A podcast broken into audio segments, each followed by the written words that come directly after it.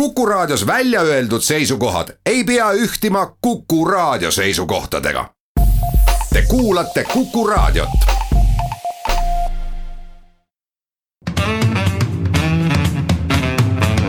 muuli ja Riikoja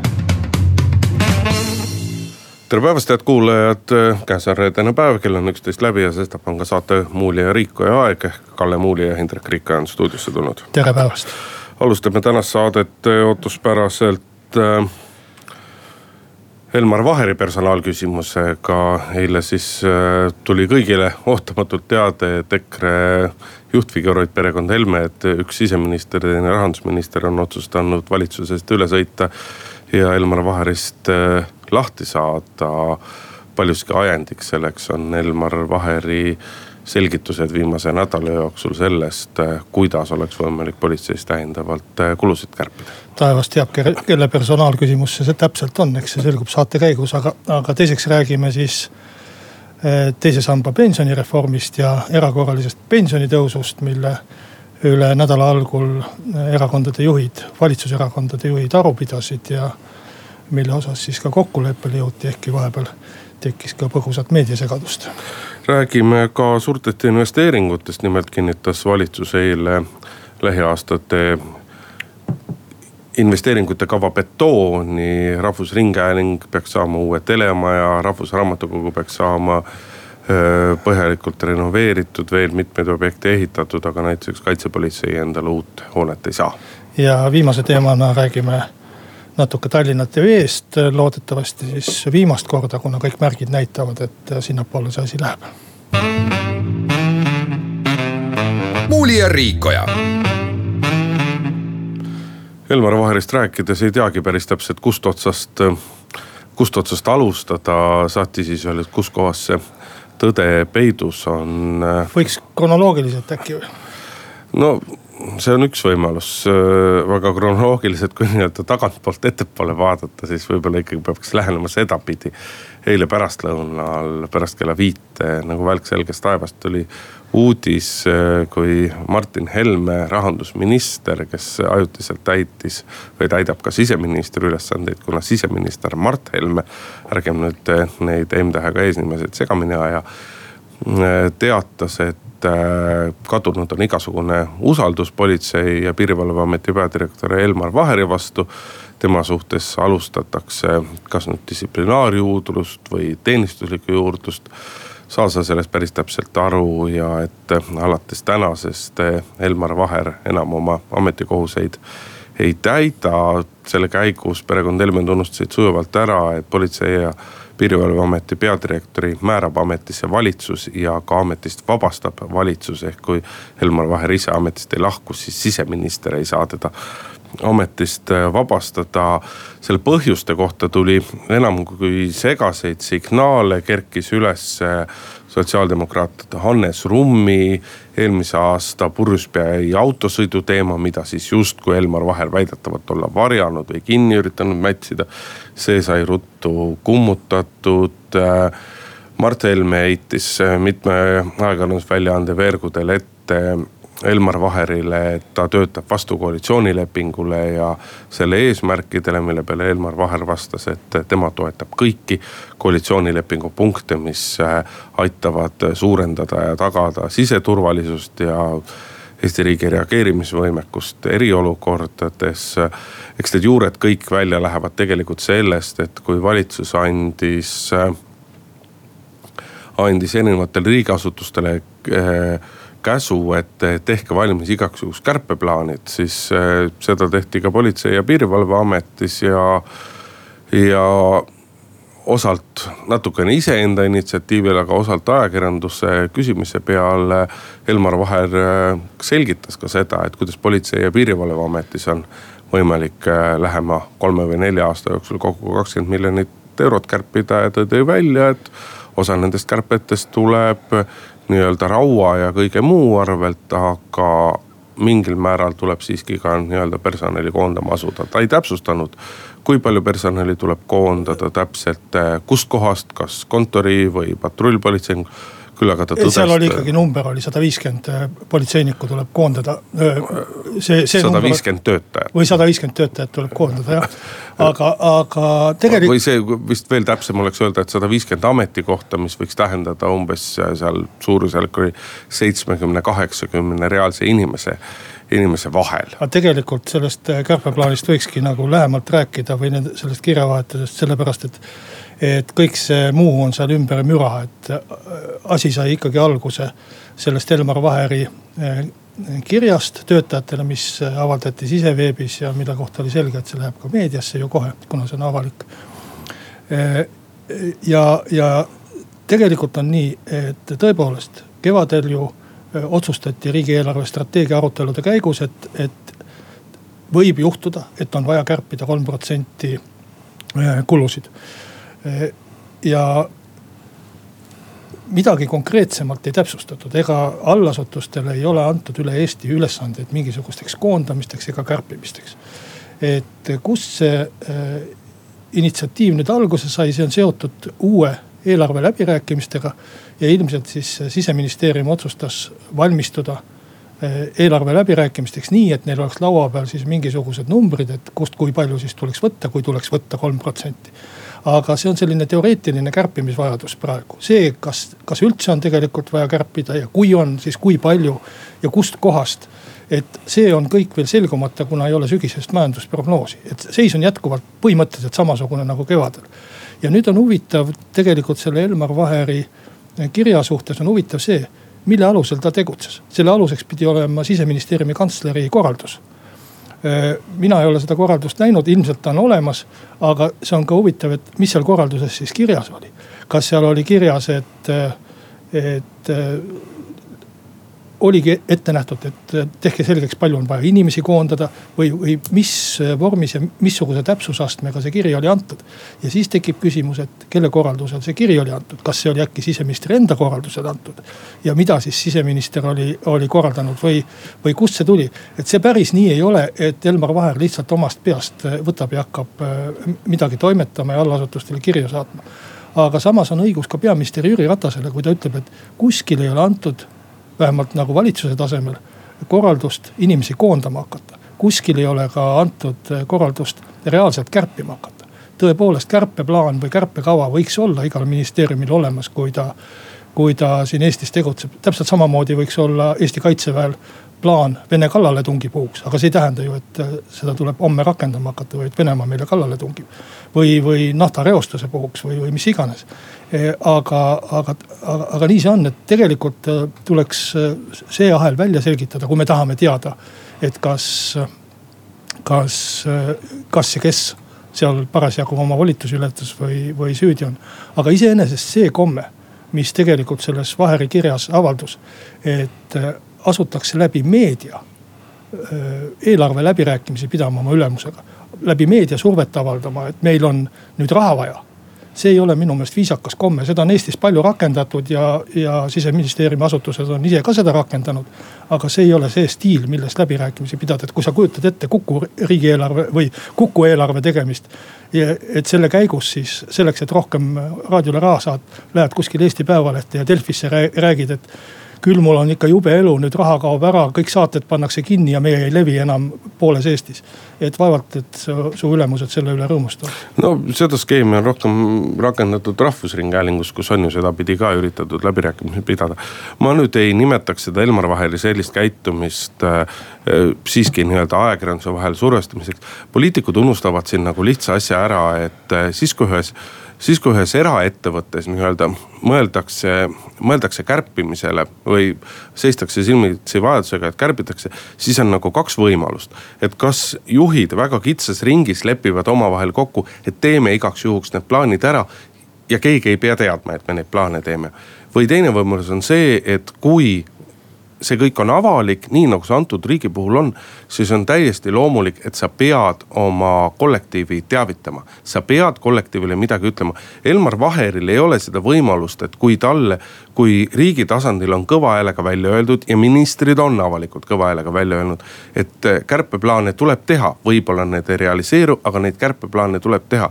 siis ühe nii suure asutuse juhina, mille roll Eesti turvalisuse, turvalisuse tagamisel on nii suur. sul ei ole seal seda võimalust, et sa räägid lõputult inimestele, et, et ärge muretsege, rahu oodake, ärge muretsege, rahu, oodake. see lihtsalt ei ole võimalik. sinu inimesed ei ole töövõimelised, sa pead neile midagi ütlema. ja see, et saadetakse sisult siiski väga nii-öelda umbsõnaline kiri siseveebi. see on paratamatus, sa ei saa organisatsiooni juhina teistmoodi käituda. ja sellest ei saa poliitikud aru. ammugi ei saa sellest aru perekond Helmed, kes ei ole kunagi kumbki ühtegi suurt organisatsiooni sisuliselt juhtinud.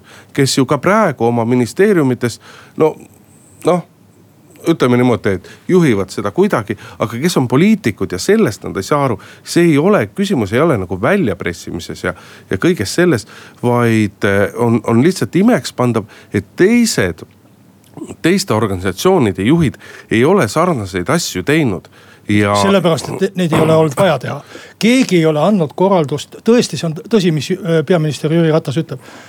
ma ise töötan justiitsministeeriumis ja me teame, me ei ole andnud allasutustele korraldust kuskilt inimesi koondada, sellepärast ja, sellist vajadust ei ole. aga Elmar Vaher rääkis väga selgelt sellest, et me esimese asjana ka, ka oma avalike kommentaarides ajakirjandusele ennast. ta rääkis sellest ja rõhutas ka, ka teleesinemistes, ka raadioesinemistes, et esimese asjana me võtame nii-öelda rauda, mitte inimesi. aga me ei saa ainult sealt võttes seda kolmeprotsendist eesmärki täita. see oli väga selgelt välja öeldud. seal kirjas on väga selgelt kirjas, et tuleb koondada sada viiskümmend töötajat isegi number on seal kirjas ja, ja see, see. lisaks muudele. see oleks tegelikult muude. huvitav uurimisteema, et kust see number on võetud. kas see on tõesti antud talle ülevalt või on ta ise selle välja mõtelnud ja nuputanud. ja ma arvan, et selle ümber uurimine keerleb. aga, aga kui rääkida nüüd seda aktsiooni, mis äh, Martin Helme, äh, Mart Helme teadmisel. ma segan sulle, segan sulle korra vahele, teeme väikese pausi, kuulame reklaami ära ja lähme siis selle teemaga edasi Muuli ja Riikoja. jätkame siis äh, saadet äh, Elmar Vaheri ja, ja siseministeeriumi ja äh, ministrite Martin ja Mart Helme teemal, et jõudsime sinnamaani, et, et eile õhtul siis ei teagi, mis kell täpselt, aga, aga polegi nii oluline vast tutvustas Mart, Martin Helme, kes täidab oma isa siseminister Mart Helme kohuseid siseministri puhkuse ajal. Elmar Vaherile, politsei ja piirivalveameti peadirektorile vallandamiskäskkirja, mis noh, tegelikult oli selles mõttes õigustühine, et nendel inimestel, kes sinna oleksid alla kirjutanud või alla kirjutanud on nüüd märgitud ei ole ju üldse õigust äh, teda äh, vallandada.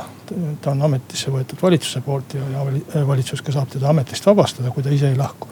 et tegelikult ma ei saanudki aru, miks selline täiesti jabur käik tehti, et, et kas see oli tõesti nii, nii suur lollus, et inimesed ei teadnudki, kes võtab ametisse politseiameti peadirektori ja, ja teda lahti laseb või, või, või arvati tõesti, et äh, nii kõrge riigiametnik nagu Elmar Vaher on nii loll, et ei taipa juurast mitte midagi ega, ega saa aru, et see käskkiri on täiesti, täiesti veider ja koomiline paber. ma võin sulle seletada. sisuliselt mindi nagu kirvega kurdega püüdma. noh ilmne on ju, et seda paberit ei teinud äh, Mart Helme ise. selle tegi ilmselt Äh, noh, ma nüüd küll oletan ja oletan ilma, et mul oleks ühtegi faktilist alust. ilmselt on selle koostanud näiteks rahandusministeeriumi mingi personalitöötaja äh, väga kiiresti. Äh, ja, ja, ja mööda minnes ja ei ole suutnud süveneda, et, et tegelikult nagu siseministeeriumis ei käi need asjad üldse nii. aga, aga, aga noh, iseenesest on see selline,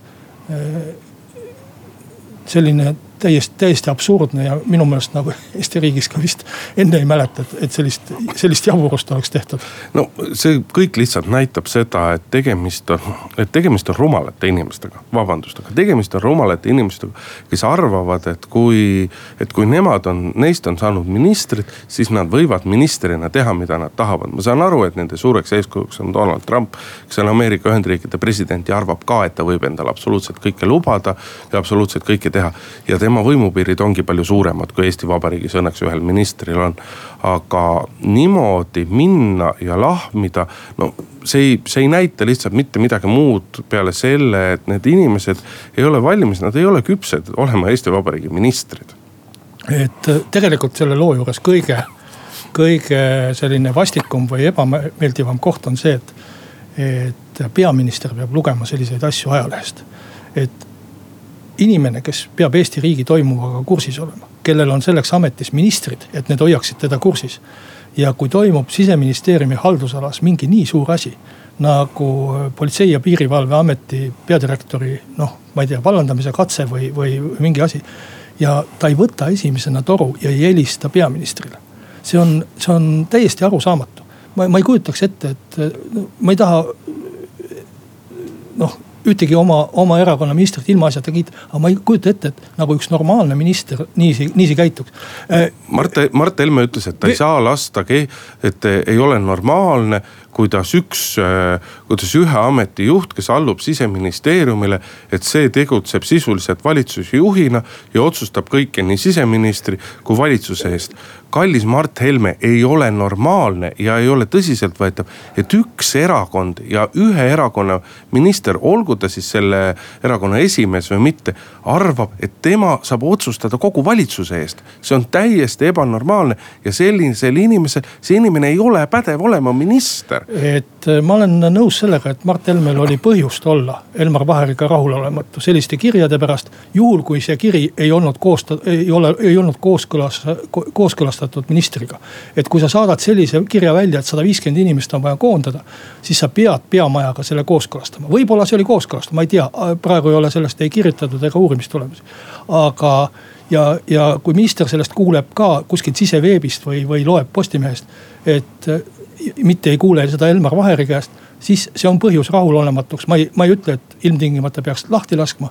see on, see on nagu ministri otsus, aga see, et minister ei kooskõlasta sellist asja peaministriga, no Martin Helme on küll vabandanud, hüva ma ei tea, kas. mis peab... on muidugi pretsedenditu juhtum, et kas... tõepoolest EKRE, EKRE minister aga kui, vabandab. aga kui mõelda veel selle peale, et otsus peaks tulema valitsusest, siis oleks elementaarne et sa helistad ka teisele koalitsioonipartnerile ja ütled, et mul on selline plaan.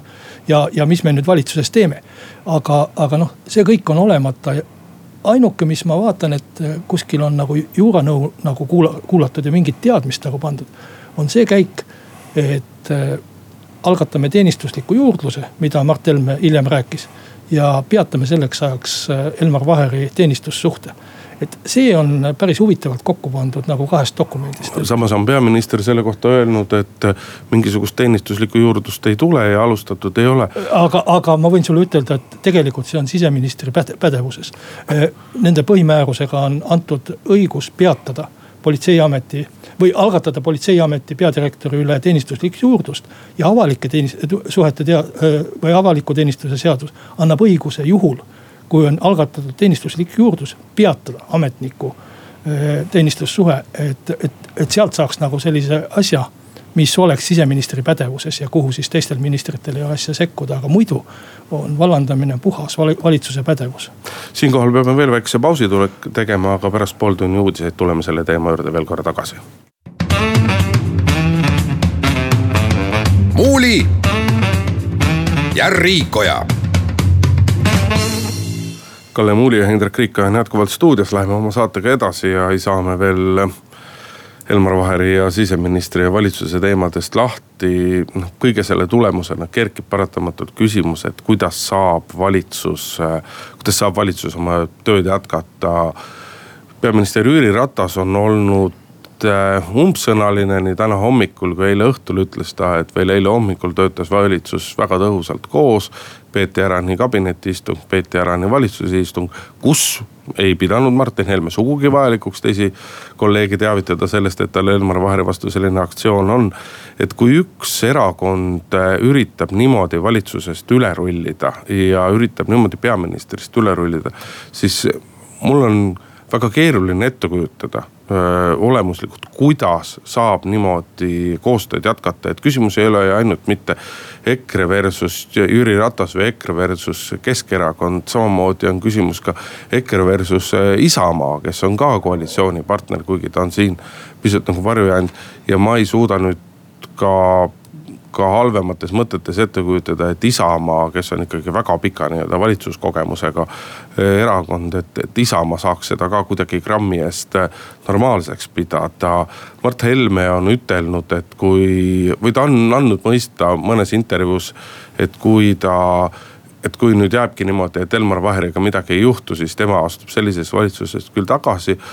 kui Mart Helme vähegi sõnapidaja mees on, siis äh, siis üks asi, et ta on nii ütelnud, aga teine asi, et siseministril on tõepoolest põhjus pärast sellist käitumist, pärast sellist aktsiooni nii-öelda tagasi astuda. selge see, et ega Martin Helme no, küll täitis. tema oli küll puhkusel, eks. Äh, no vahet ei ole, ma tahtsingi selleni jõuda, et Martin Helme küll täitis siseministri kohuseid aga, ja nagu Mart Helme kommentaaridest välja tuleb, see ei olnud Martin Helme algatus, see oli ikkagi Mart Helme algatus, mis millegipärast ajastati hetke, kus Mart Helme ise puhkas no Isamaa poolt ma võin ütelda, et, et eks me oleme näinud hullemaidki asju. me sinuga siin olime eh, kahekesti stuudios parajasti, kui tuli eelmises valitsuses uudis, et üks minister, eh, sotsiaaldemokraatide juht Jevgeni Ossinovski avaldab umbusaldust avalikult ajalehe kaudu teisele ministrile, kes oli siis meie äh, Isamaa minister, justiitsminister Urmas Reinsalu tollal. noh sa küsisid minu käest, et mis siis juhtub, ma ütlesin, et ei juhtu midagi, et, et õhtuks on kõik teisiti ja praktiliselt oligi. et äh, ega ühtegi suppi ei sööda nii kuumalt, kui seda keedetakse ja, ja selles mõttes Isamaal on nii pikk valitsuskogemus, et ega me nüüd väga pöördesse ei lähe ja, ja, ja oleme kogenud. Te olete väga tublid.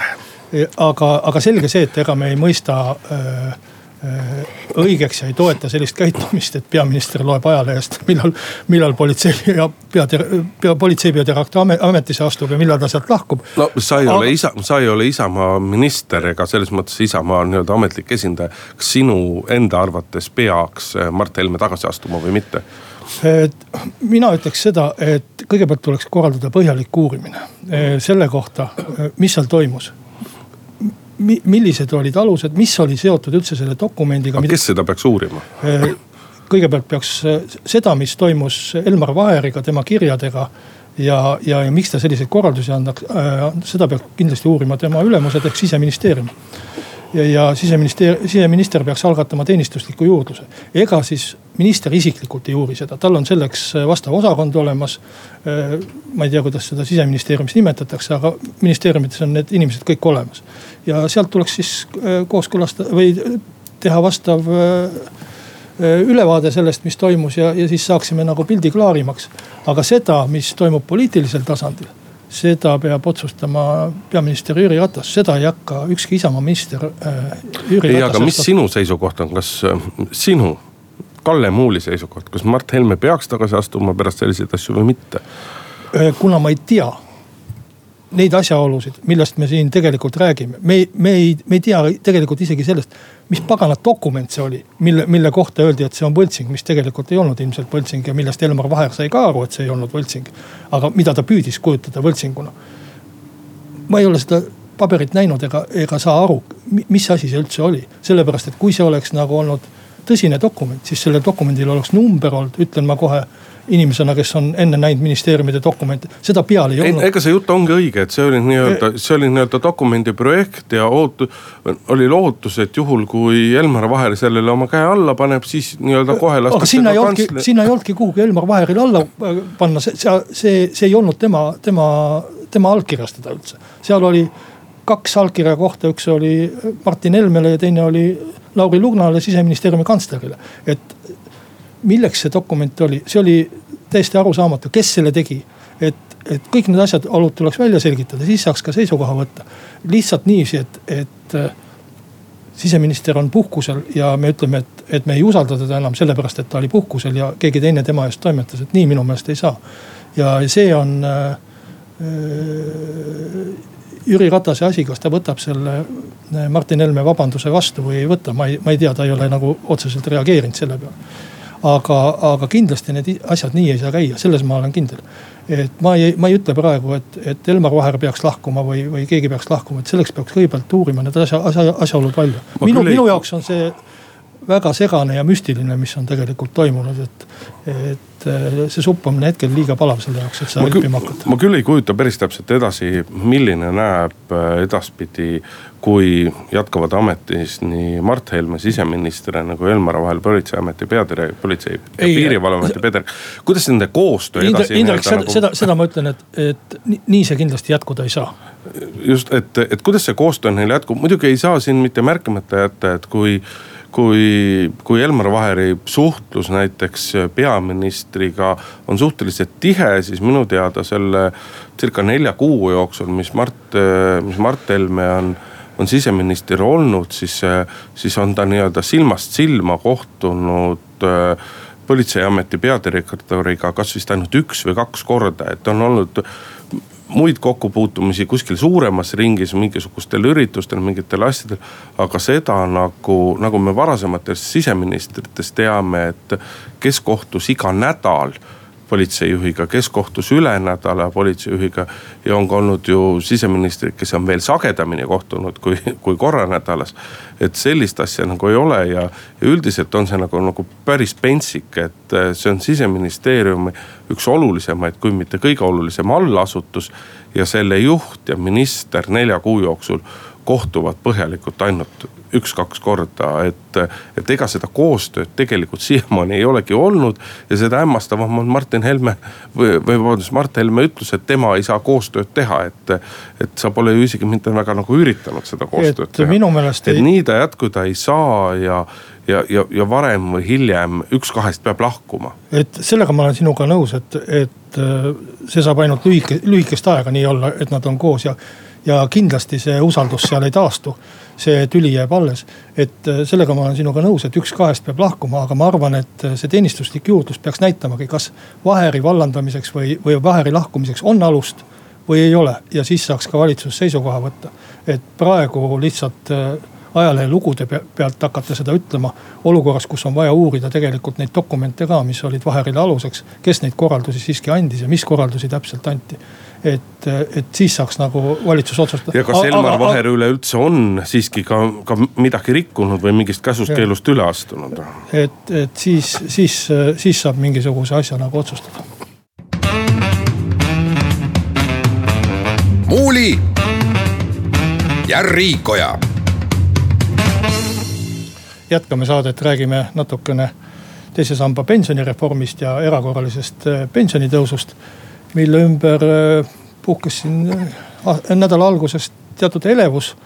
Äh, ma isegi ei saanud päris täpselt aru, mis selle elevuse põhjustas, sellepärast et kui ma vaatan neid asju seest, kuidas nad liiguvad ja kuidas neid aetakse, siis tegelikult ja, ja meie ütleme, erakonna huvi on nende pensioniteemade vastu väga suur, kuna üks nendest oli meie lubadus.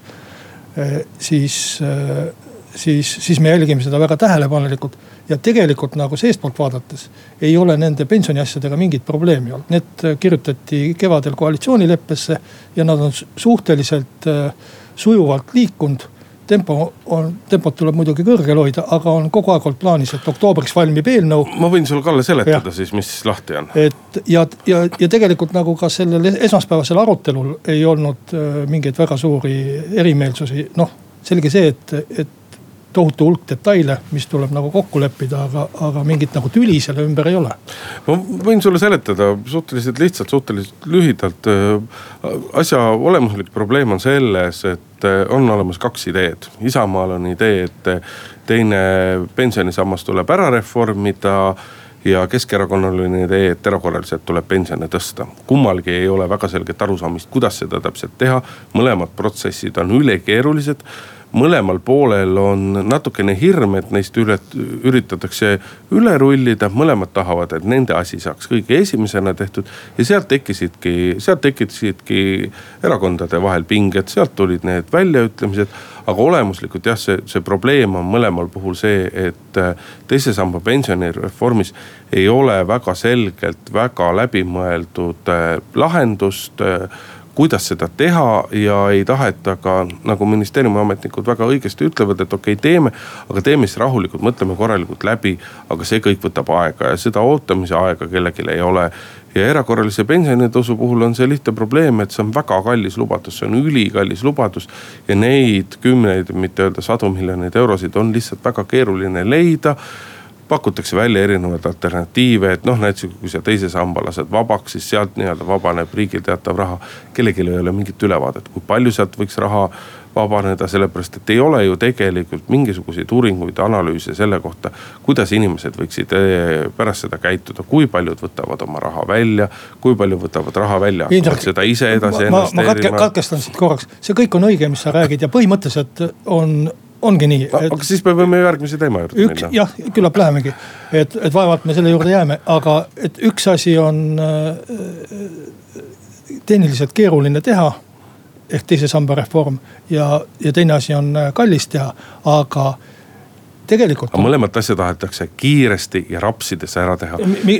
jäta, jäta, jäta sõna rapsides välja, sellepärast ei, ei, et, et teise samba see... reform on pandud koalitsioonileppes tähtajaliselt paika. just, aga ja... ja see tähtaeg, mis näeb, mis oleks ju tegelikult järgmise aasta esimene jaanuar. selleks, et seda ära teha, see ongi kiirustades ja rapsides tegemine Ega... ja Kalle, me võime mürki võtta, et kui see tehakse nii kiiresti ära, siis hakkab üks häda teist häda taga ajama. ei ole mõtet seda, noh, seda asja ei saa nii kiiresti teha ja korralikult tööle. see lihtsalt Indrek, on niimoodi. ega reformi ei tehta esimeseks jaanuariks, seaduseelnõu tehakse esimeseks jaanuariks. või seadus tehakse esimeseks jaanuariks, et reform hakkab toimuma, väljamaksed hakkavad toimuma aastate jooksul väga pikalt.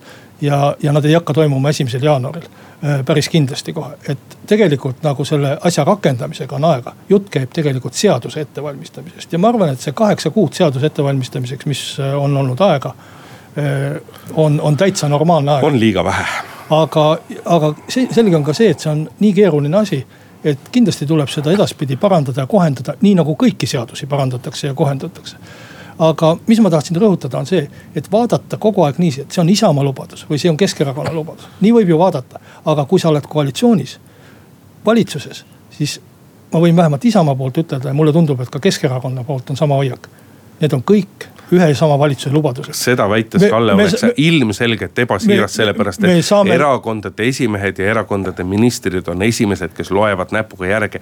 ja, ja sellest on ju nii palju Indrek, räägitud. saad aru, kui me oleme sellega. alkoholi alandamise kätte eh,, Isamaa ja keskkond, Keskerakond ei ole oma põhilisi valimislubadusi kätte saanud. just sa... teie ise poliitikud ajate väga näpuga. kui sa nii mõtleksid, siis, siis sa ei saaks üheski koalitsioonis olla asi on selles, et tõesti mõni lubadus on südamelähedasem, kuna sa oled sellega viis aastat tegelenud ja selle eest oh, võidelnud. Kalle küll. aga, aga sa saad väga hästi aru, et kui me ei toetaks Keskerakonna äh, kõige tähtsamat lubadust siis meil oleks väga raske selles valitsuses üldse olla. et valitsus oleks edukas, me peame toetama ka teiste erakondade äh, väga tähtsaid lubadusi. ja sellest vähemalt kogenud erakonnad saavad väga hästi aru. muuli ja Riikoja saate lõpetuseks räägime kiiresti ka eile valitsuseks heaks kiidetud suurest investeeringuplaanist ehk millisesse betooni hakatakse raha matma. suuremad ja kõige rohkem kõneainet pakkuvad objektid on sellest Rahvusringhäälingu uus telekompleks ja Rahvusraamatukogu ehitamine, äh, kapomaja jäi ehitamata. ja vot nüüd läks mul mõistus mõte sõlme ja ei tule järgmised asjad enam meelde, mida ära tehakse. suur asi on muusika- ja balletikool, kuhu ühendatakse kolm praegu olevat kooli ja mis. kaunite kunstide kool on vist selle asja nii-öelda ametlik nimetus. Ma ei tea, mis selle ametlik nimetus on, aga, aga valitsusdokumentides on muusika- ja balletikoolist praegu juttu, see on nelikümmend kolm miljonit eurot, see hakkab kaks tuhat kakskümmend kaks tööle ja kerkib Pärnu maantee Liivalaia nurgale, kus vanasti oli, see oli vist Mäe instituudi ühiselamu, hiljem oli ta vist Tallinna Ülikooli ühiselamu, mis nüüd on ära lammutatud. rahvusraamatukogu saab viiskümmend kolm miljonit, sinna ühendatakse ka ära praegu Tallinnas olevat äh, Rahvusarhiivi uurimissaalid, kolm tükki. mul hakkab väga mugav olema, ma töötan kõikides äh, päris, päris palju ja saan nüüd ühe katuse all kõik asjad ära aetud. riigiametnikul on ikka hea põli, kui jaksab arhiivides käia ja raamatuid kirjutada. raamatukogu on lahti ka muide nädalavahetusel, ma võin ütelda ja kauem kui riigitöö kestab. aga äh, mis ma tahan ütelda, minu meelest nagu see, et äh, kultuuriminister Tõnis Lukas kõik need asjad välja võitles ajal, kui eelmise kultuuriministri ajal pandi kaks teatrit kinni siis äh, mina küll julgen teda väga kiita selle võitluse eest ja ma julgen kiita ka Martin Helmet, kes on tegelikult rahandusministrina teinud siin väga, väga häid otsuseid. et kui sa vaatad seda rahajaotust ja vaatad neid objekte ja vaatad, mis ära jäeti, näiteks kapo maja, siis minu meelest on tehtud väga õiged otsused.